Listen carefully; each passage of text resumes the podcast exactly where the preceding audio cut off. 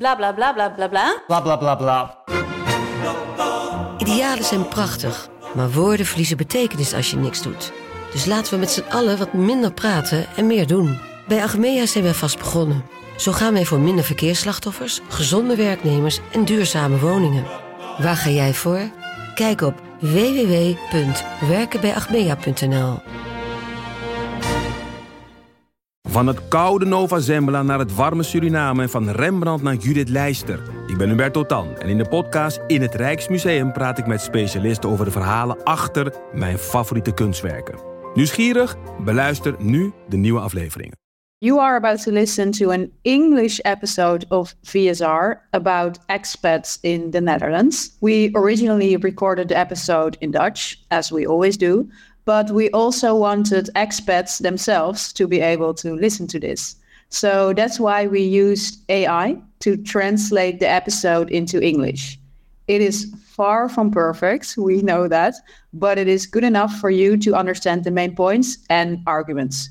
So we hope you enjoy this semi perfect English episode and uh, are curious to know what you think of it.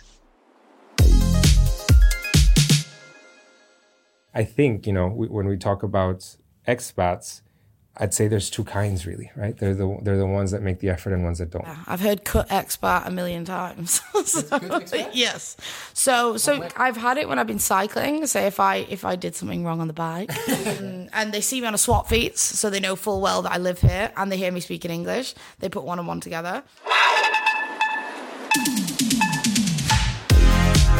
Welcome to VSR, formerly Schaamteloos Randstedelijk, uh, the podcast about everything you are but don't want to be. My name is Doortje Smithuijsen. Across from me sits Perrit van der Brink.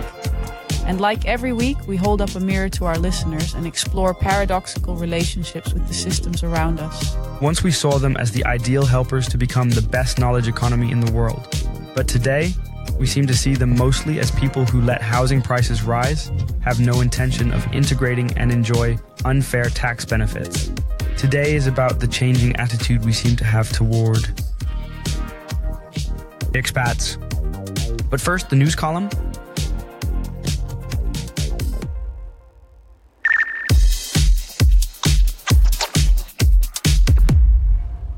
Yes, I actually had two current events that, for me, a connection. So two things have that I read in the newspapers last weekend.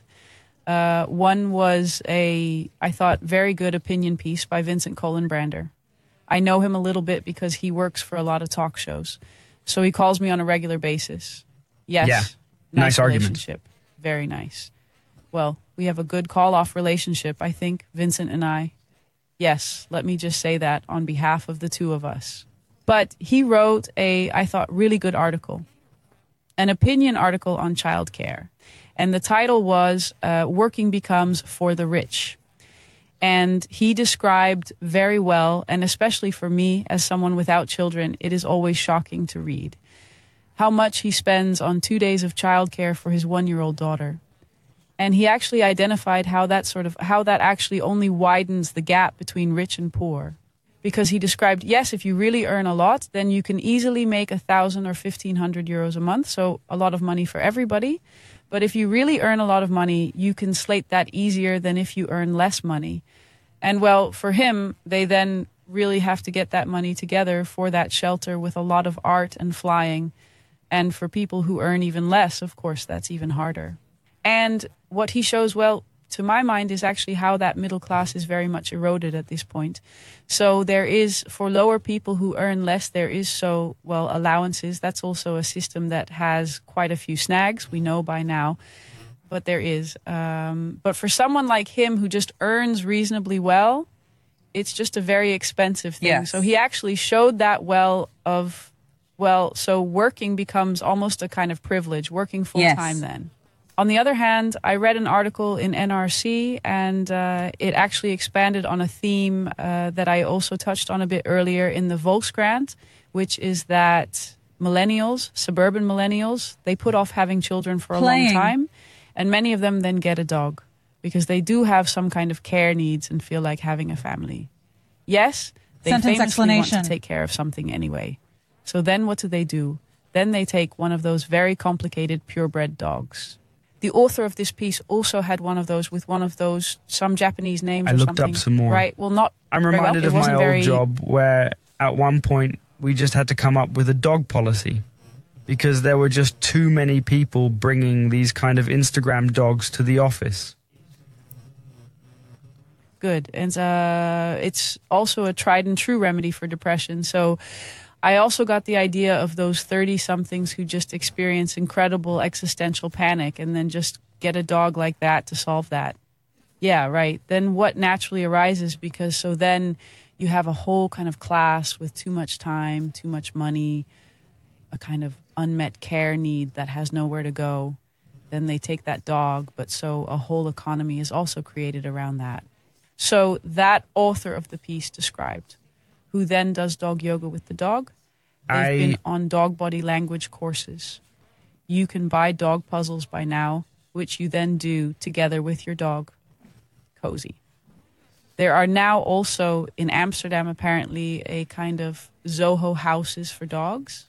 So you have dogs, Dog Society Hot Dog House. That's where she would go with those dogs. And I thought, yes, actually, I just see, uh, I actually see how Vincent can be solved by actually that dog economy. Because that Dog Society Hot Dog House, so that was a dog shelter where you then take your dog. And then is then cared for by all very enthusiastic dog lovers. But it's also an educational environment where you can do courses with your dog, deep breathing together with your dog. And that's with 25 bucks a day. Basically, just hear all the characteristics that my child had in childcare. Can we put the kids in the hot dog house? is a lot cheaper than the Yeah, that's 25 a day. daycare. I think it costs between eight and nine euros per hour. We really pay a hefty amount for that indeed. On the one hand, I hate that system of progressive payment. I work hard, so I earn pretty Yes. okay, but because of that, I pay a lot of childcare. And you get caught at some point. I do recognize that from that piece in a kind of system okay, so working less, then I can't afford this anymore. So it also feeds a kind of traditional role pattern.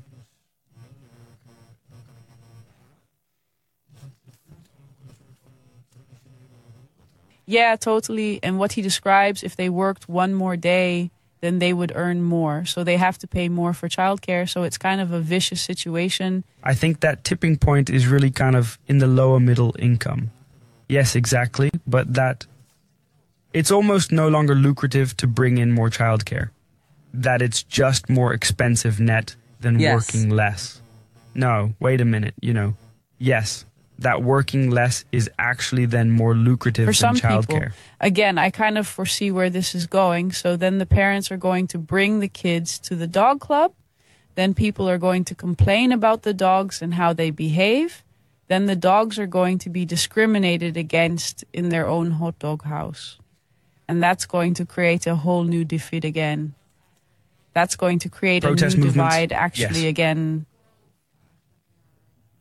And then in the end, Sander makes Sander and the dog gap. Yes, who Yes, who also has a dog and a a- child. Well, ideal. We're going to produce him right away. System He's of it. around. Yes, I was human. He did a broadcast on advertorials and press freedom. And there he showed a clip that DPG had recorded. DPG, publisher of all kinds of media, including big newspapers like Volkskrant and NRC. Only in Volkskrant. Oh, yes, that's Media House, of course. NRC's yes. Media? But in any case, a very big publisher. And they make a video which is sent out to advertisers about branded content. And in it, that branded content is actually touted as if it were nativer than nativer than native. So it's just indistinguishable from native. They really, They really say, that. They say that. Yes. They literally say that. Nativer than nativer than native. No, it's indistinguishable from real. Nobody says, no, it's from occasionally. Not, No, they really say from, I think maybe we should give him a little bit of a listen. With branded content, you bring the story in a journalistic and therefore reliable way. The commercial message is subtly incorporated into an editorial looking article. The article appears among other editorial articles and therefore has a professional and credible appearance. A branded article or advertorial is an advertisement that resembles a news article, therefore very suitable to inform. It is often not immediately obvious to the customer that it is an advertisement. Okay. I also definitely detect in myself the irony of that I, of all people, quoting this as a person who once worked at Vice, the birthplace of branded content, and also host of a podcast with at least two advertorials per broadcast.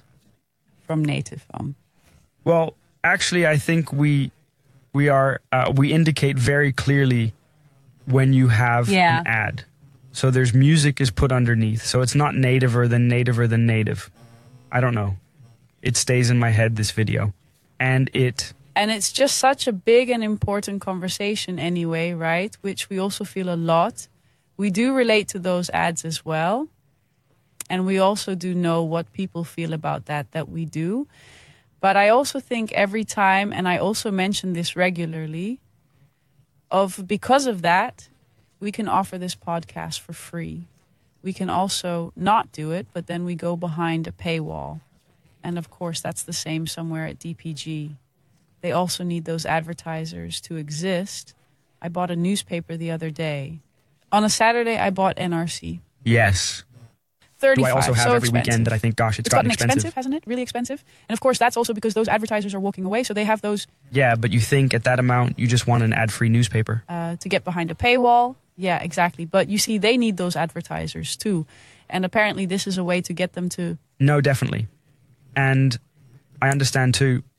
I'm also certainly not against ads in a newspaper and also nothing against branded content in a newspaper. Just write newspapers like Volkskrant, NRC, Reductional are going to talk about that there are kind of sickly separate walls there that, that Paul, never. Yes, now boast about that because I would find that really rich. Because also, if you look at that NRC magazine and stuff, that's I think there are very fierce opinions about that on the editorial boards. Yeah. just, yeah, I think so too. But apparently, then the opinion of But so that's what I think. still wins.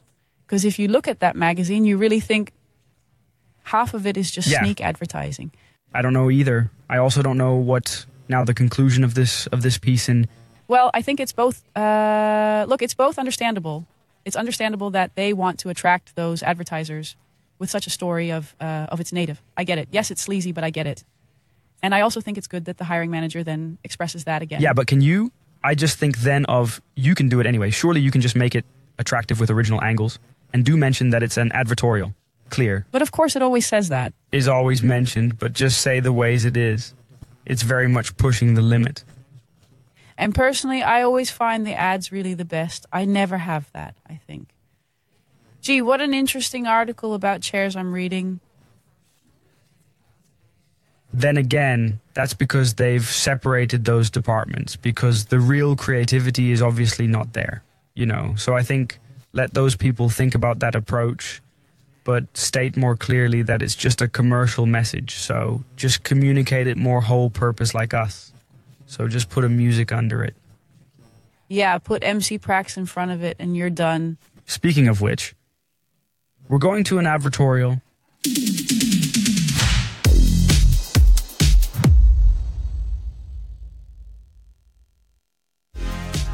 Hinge is the dating app with the slogan designed to be deleted. So you use it temporarily, temporarily. The unique thing about Hinge are the prompt, which we also talked about in the previous episode. Prompts are questions you can put on your profile, making it extremely easy to start a fun conversation and immediately get an idea of someone's personality. We're going to try out another prompt. This week's prompt green flags, what we're looking for. Yes. We came upon a good, Green Flag Day. Well, you have a quote like that from an author or something. And he once said of if you get to someone's home and they don't have books, don't fuck them. I actually think that's very good advice anyway. And then what I would add to that tip myself is also look at what books. So which books? I could have saved myself a lot of hassle um, If once, for example, I had taken it more seriously, that someone I got to know as his last book read, which he was also very sincerely, very enthusiastic about, called The Subtle Art of Not Giving a Fuck. Good philosophical masterpiece. Yes, so that's a red flag wrapped up as a green flag then. Yeah. But I do think the nuance is important. You have to link the books together. Yes. Because you also find every human being changes. Every person deserves to read bad books and then move yeah, on. so you may also, in a grey past, that kind of self may as well. Be very nice of what's funny. This person went from that book to this book. Yes. But then you have to ask again mm, because you never know how the progression, how And that's like a fun conversation and kind of reconstructing someone's personal development through books. a fun prompt on Hinge. Prompt it away and download Hinge now via iOS or Android.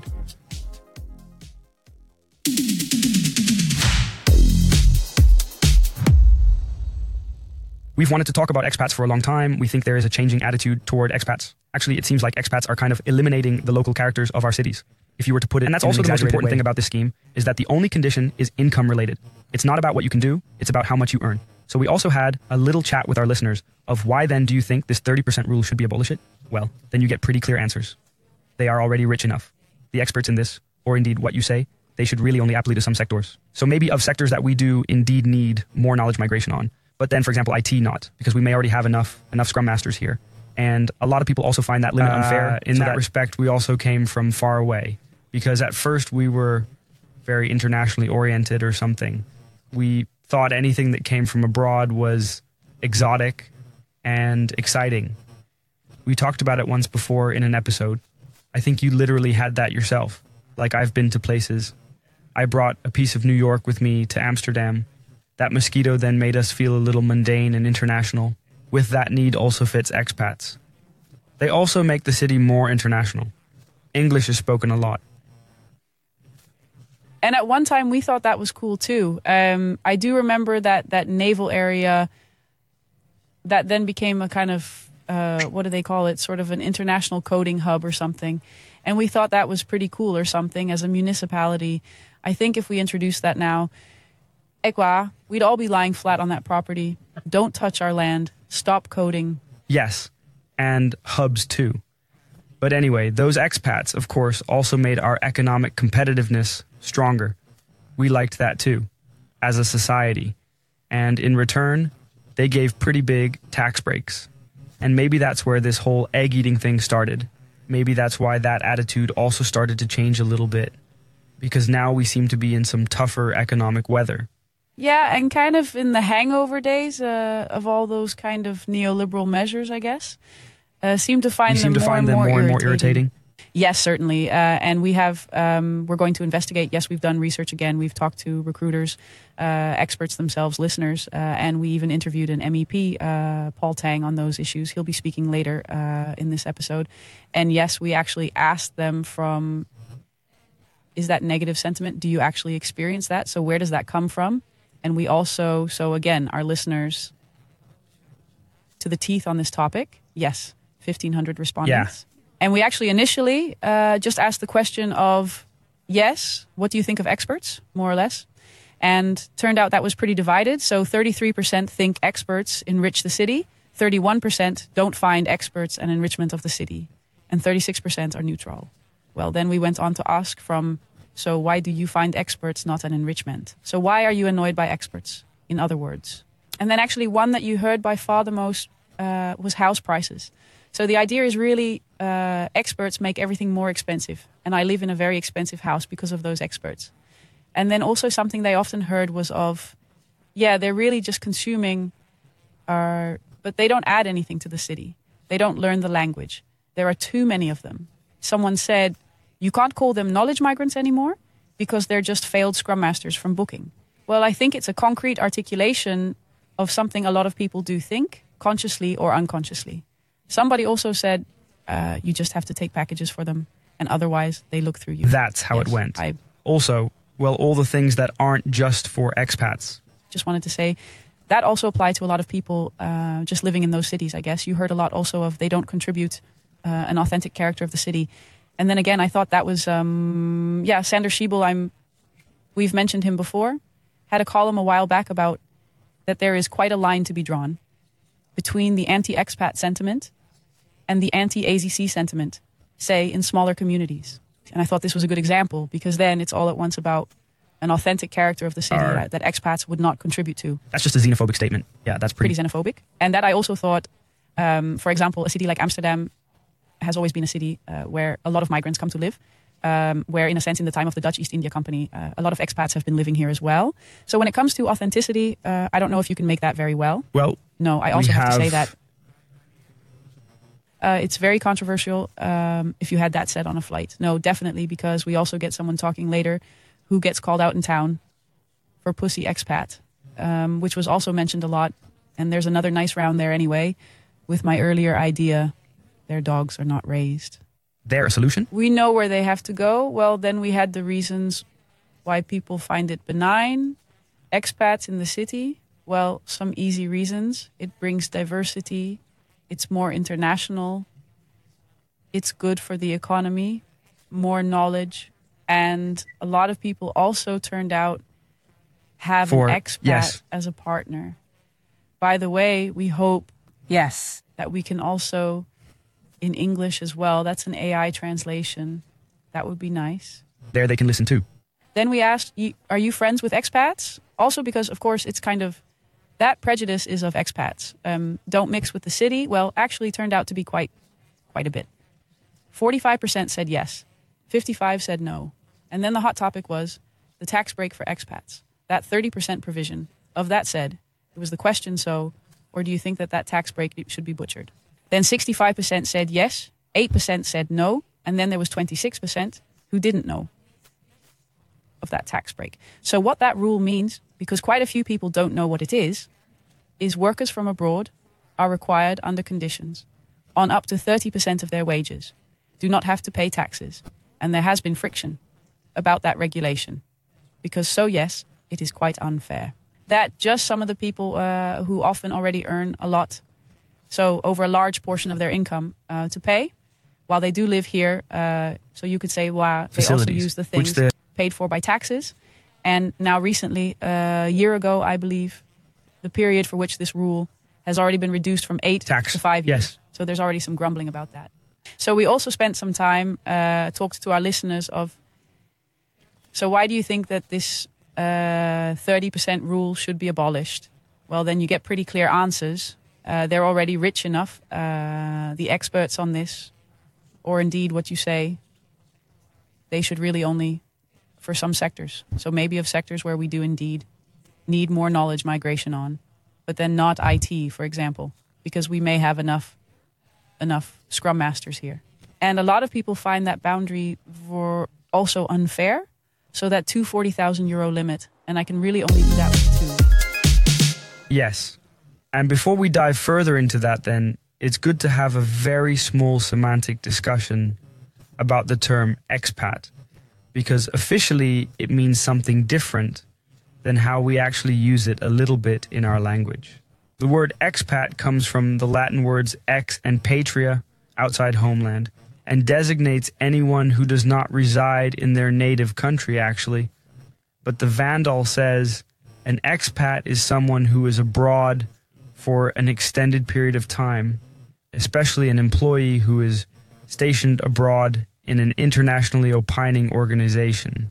So, someone who is sent by a booking office abroad to a booking office in Amsterdam, and not someone who moves from Uber to booking in Amsterdam. So, in the same company, actually.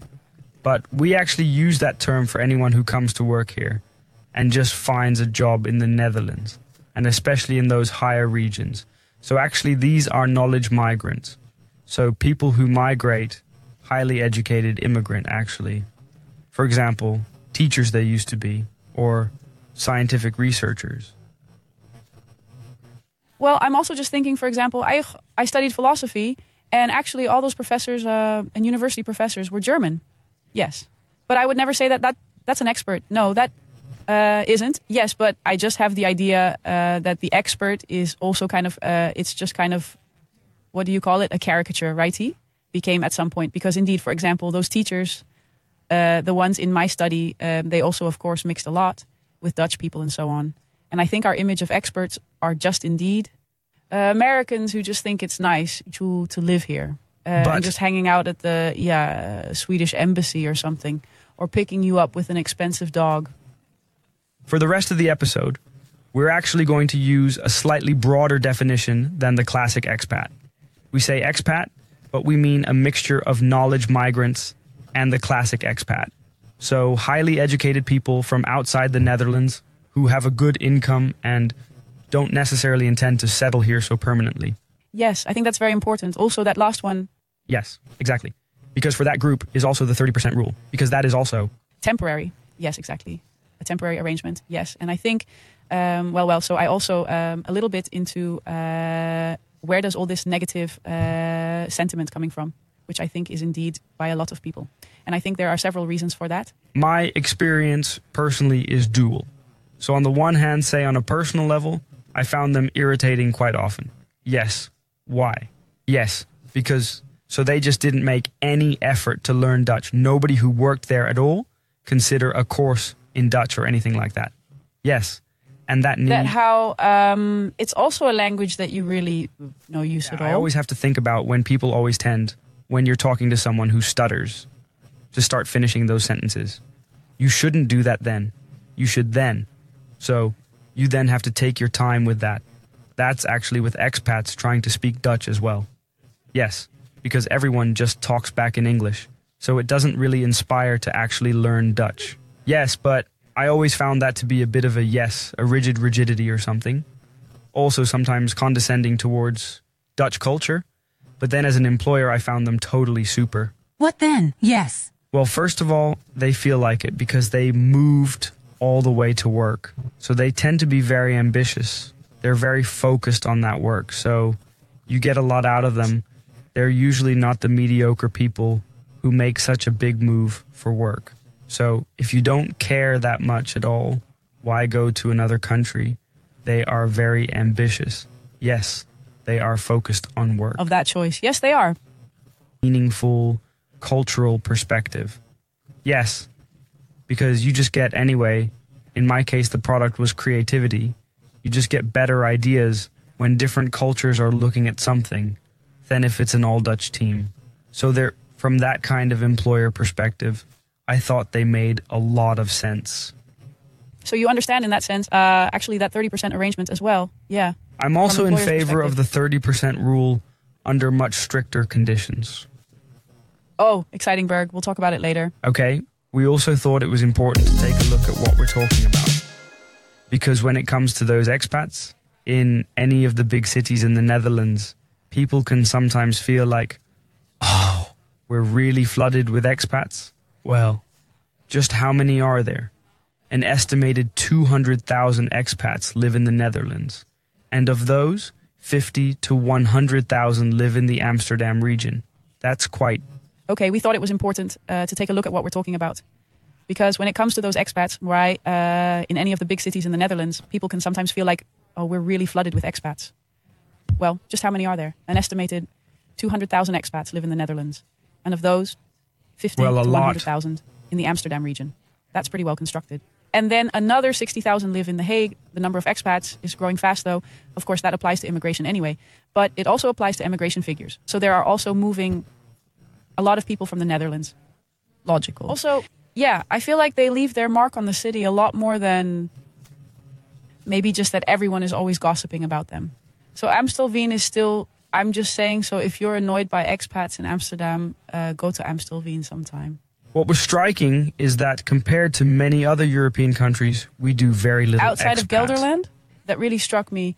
Uh, this time we really need to put on our socials because I really think there's. But anyway, I'll get into that later. But in the Randstad, there is so much complaining about those expats. Yes. Uh, go to Ireland sometime, you know, it's only a problem there. Or Luxembourg. Hardly any native people live there anymore. And Switzerland a lot too. So it's really. And we're right at the bottom. Only Finland has fewer expats. So we, of the mainly Western European countries, we really dangle at the bottom. while indeed, again, our feeling is that we're really swamped exactly. with expat. Because when you talk about expats, you're talking mostly, to my mind, about a sentiment. I feel that Amsterdammers and Randstadelingen have the idea um, that expats make the city a city for the rich, and meanwhile, it is entirely questionable whether that is so. Because those expats, of course, are not personally responsible for, uh, for the policies that led to them being here. And also that the benefits are there that they take advantage of. And I mentioned briefly, uh, Sander Schimmelpenninck uh, had a good column on that earlier this year, uh, in which he compared that sentiment to an anti refugee sentiment, which is more prevalent outside the Randstad. I didn't agree with that whole column. But I did think he did a good job of Nice. pointing the finger at the scare, because of course it's not the expats who have made the city into a kind of liberal tax haven. These are often also, for example, Dutch people who live here and buy a second home, which they then rent out through Airbnb. And when that was no longer allowed for a high rent to expats, yes, things like that. And expats don't know our housing market either. They're in a hurry, they need a house. They often have no choice at all. So, yes, they will pay a high rent for a house, while you could also say that they might prefer to pay a lower rent. So, I have the idea that we are actually very much pointing at expats um, as a kind of culprit uh, and also causer of all our capitalist problems. That the system is actually much. Yes, and that we actually don't want to look at ourselves there because a lot of people in the Randstad found it chill too um, to rent through Airbnb, for example, and also quite relaxed that Uber came here and also used there a lot. Uh, and then Uber here in office, then all at once it's from, you know, or booking.com. Yes, the tourists did get to come and eat at your restaurant through booking.com and not just spend money, but then booking.com will build an office here. Then at once, then we don't like it all that much anymore. So I found in that regard that the municipality also advertises in other cities, in cities outside the Netherlands, with that kind of position of actually with the problems that it's about. So, particularly the housing crisis. That is actually the source for how the Netherlands, and in this case, in particular, Amsterdam, is advertised. There's a Bashok ad in London that says, when you realize it's monthly rent, not weekly, Yes, because of course, for a Londoner, Amsterdam is a wonderfully cheap little town uh, to live there, and you see that also in Amsterdam. That, that's so there's a whole brokerage economy built up around those expats. So you can actually think, okay, Yes. um, are the expats then the culprits in, for example, uh, this idea of those higher rents, or is it just the real estate guys from Amsterdam or from The Hague driving through town on their Felix and thinking, oh, there's another one of those, or in this or case, in this just, case, just the city. Yes, and the city itself. So it's just a lot more diffuse than that. It's all the fault of those guys working at Booking. I myself had written a column in the Volkskrant the other day about the emergence of the disappearance of the middle class. Also, because of the globalization of the economy, and that you actually get a kind of upper class and a kind of lower class because a lot of people also can't pay that rent anymore. And so, in that, I had written myself of because of the expats, the rents are driven up. That that editorial board is really going to thumb its fingers at me. That's just not hard. That's not hard to get. We also talked to some economists about that before this episode, um, and they also say the thing is when it comes to those rents or those high housing prices, high everybody wants to assign blame, but you can't actually say exactly of because of expats rents are getting higher. Nice of that editor in chief to pull that out then. Extracts, yeah, sure. That's what they're there for too. Yes, but that's free anyway. Yes, I always have the idea that editor in chief is mainly on. That's because they earn so much through those advertorials with DPG. That's really super good. Yes, and I Kim's account beyond their title goes. Thijs Niemantsverdriet, uh, who has long written for, uh, I think still wrote about Amsterdam for NRC, who had quite a good article the other day. It was about the Amsterdam attachments that NRC had for a long time. And that was from uh, the 2013 had that existed. And then he sort of went on to show a little bit, yeah, what those attachments were about then. Actually, he then saw very much the sentiment emerging that led to this globalization to, to, to attract expats. That they thought it was all fucking nice, uh, that people Exciting. who worked for Google wanted to come and live here and so on. And just that comparison, too, that he says of, yes, Airbnb, which we thought was a really nice, fresh phenomenon from America. And we were going to experiment a little bit with that in the city. Uh, we were going to do a little bit of those flash movers, those share scooters, a little bit of events and festivals we found enriching. I really liked that too. And what was also very nice is that he quoted a cover from Yes. 2013 over North, which then said, so Yes. the new center and the word gentrification wasn't mentioned at all. So what he did very well was to show that actually in the last 10 years, a lot of measures have been taken by the city as well. But also, for example, that people could start sharing houses at once. You know, that as a student, for example, you could go with several students, uh, could start living in a house instead of one or two people.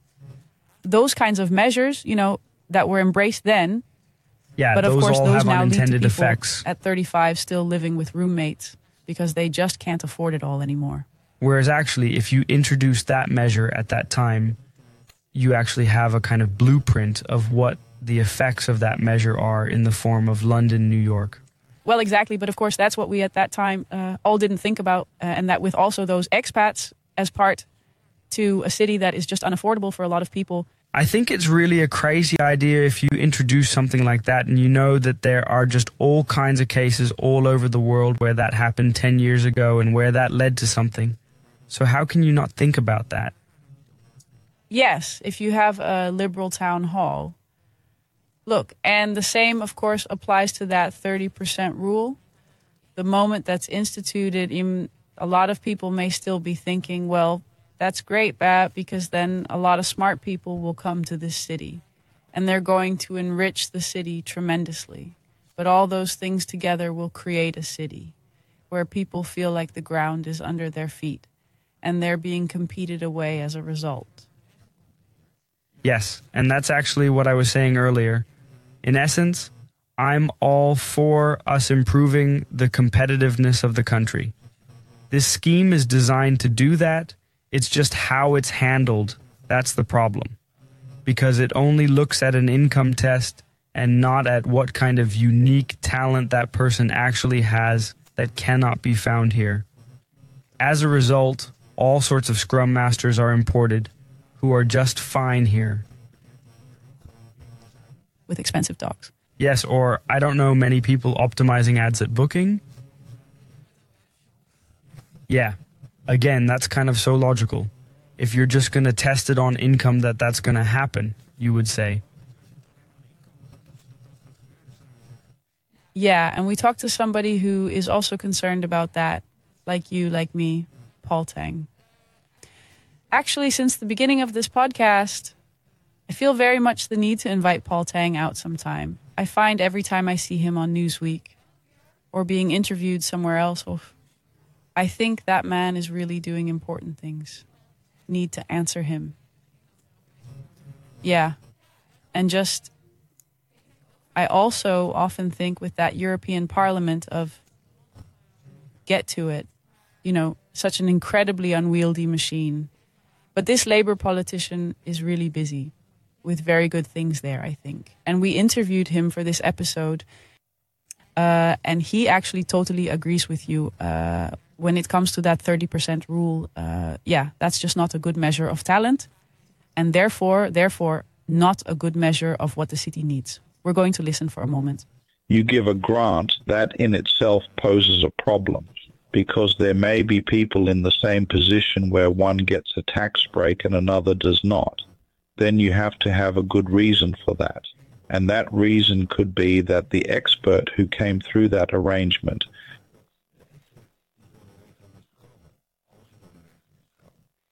has something of a benefactor. You you have benefits for this country that don't happen to that company, but that in a broad sense benefit the Netherlands. I don't think such people are benefactors at all. So I think the one who benefits from it is the expert himself and the company he wants to work alongside. So in return for that public subsidy, there is actually no social benefit functions that are very hard to fill, that are very special, that are very essential to the NLC economy, They don't do that much. So actually, just a lot of experts can use that expert rule. And what Paul Tang also mentioned uh, was that he's actually starting to worry about what he then calls a race to the bottom effect.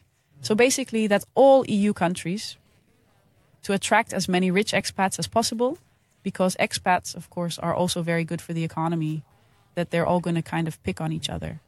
And it's all about those tax benefits.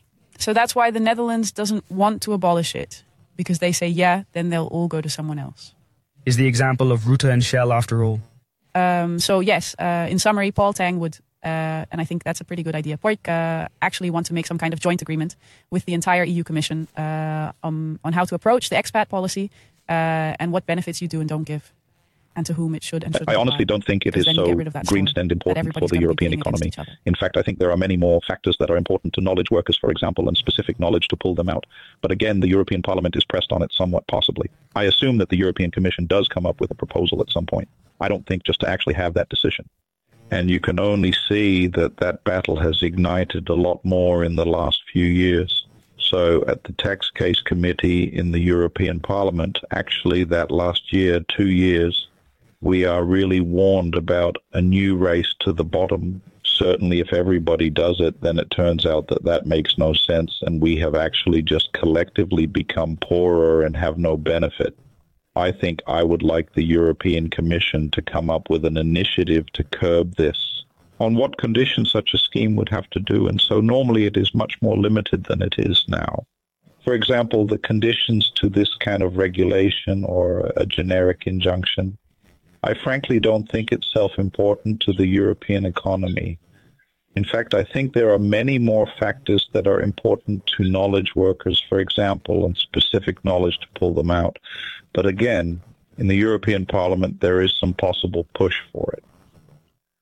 And I assume that the European Commission will come up with a proposal here at its own time to start limiting this. I think that's just all that discussion indeed also really to have. Because we should not bury our heads in the sand. This is a growing problem. I see that in Amsterdam, my oldest wife can fuss about how can I live here in my own city that is a sentiment, but also a concern back, and you see that too. I was visiting Dublin, where a lot, especially big tech companies, have set up shop. Um, you can see that in the city. We are also very flexible.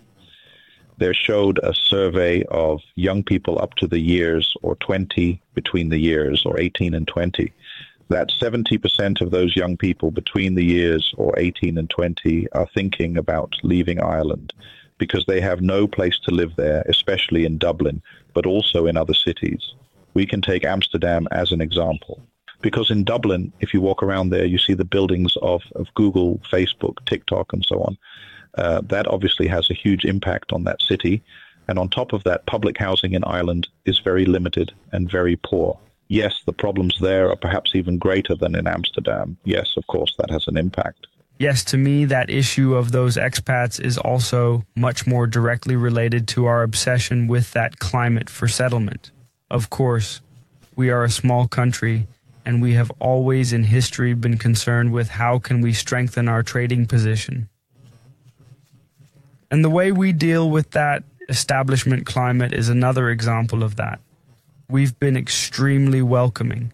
We just don't let people pay taxes. Sort of economic FOMOs, of all these companies need to locate here can all just not pay taxes.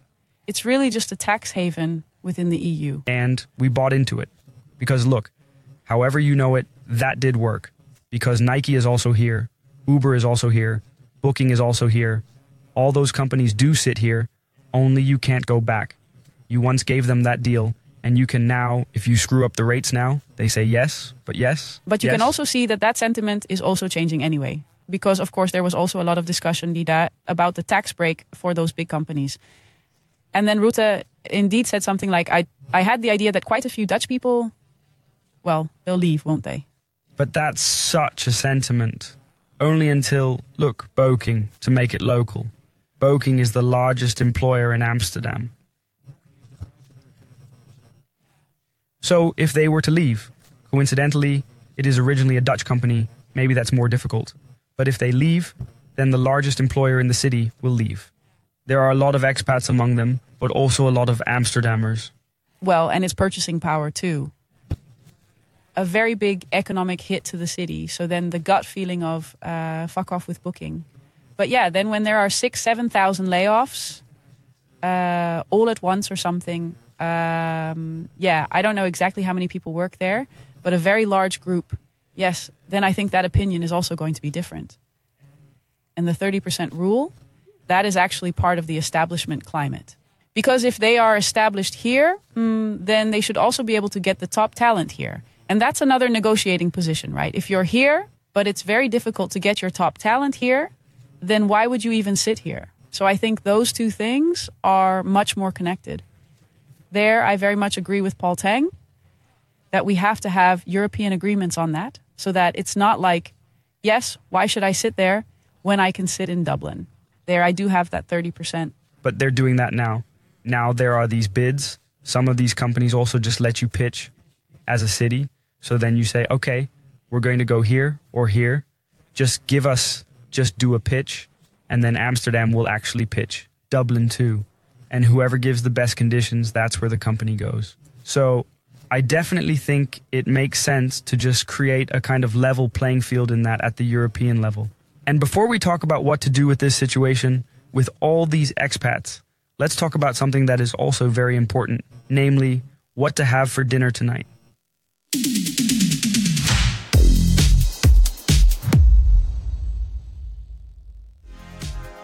Because we still have a sponsor in the form of the meal boxes from Green Chef. Green Chef helps you eat healthy your way. A healthy meal box that fits your lifestyle perfectly. With Green Chef, you choose each time from a selection of the bilious recipes. There is something for every healthy lifestyle vegan, vegetarian, keto. You decide which of three, four, or five healthy dishes will sit down at your house. And this week, I ate vegan lasagna with homemade bechamel sauce, Jeez. with a little mushrooms on the side and a panko crisp.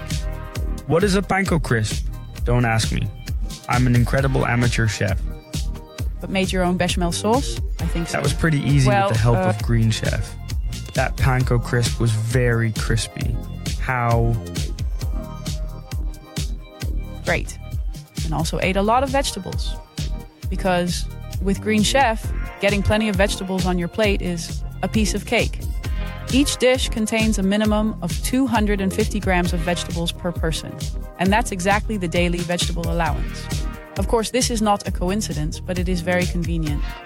Cook healthy with up to 90 euros off your first four boxes.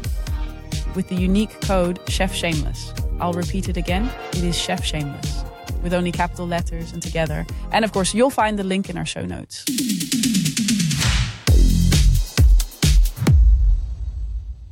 Next? Yes, let's get to that.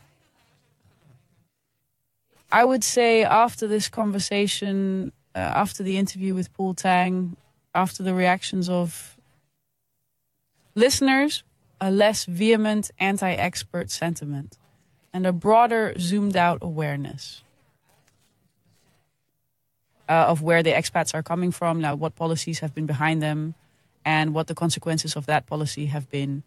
And thus also um, uh, a kind of wake up call, like perhaps to advocate sort of a policy around how we organize the city, what measures we take, and with that also looking at uh, what effect that might have on the future. Especially that. I've really been so puzzled by some of those things that I read. I can Google you what happens when you implement this. Especially that is what sticks with me. Other than that, everything you say I totally agree with. But I am curious whether you would abolish that 30% rule or not. I would abolish it for those income stacks. So I find that really bizarre because that's just a perverse incentive um, for people who are already making a lot of money to come here and make even more money. While they're not actually potentially adding super much. What's already here in terms of workers? I mean, scrumming, plenty of Dutch people can do that too, so to speak. We demonize Yes, there are Scrum Masters. So Scrummers we did lose after this episode.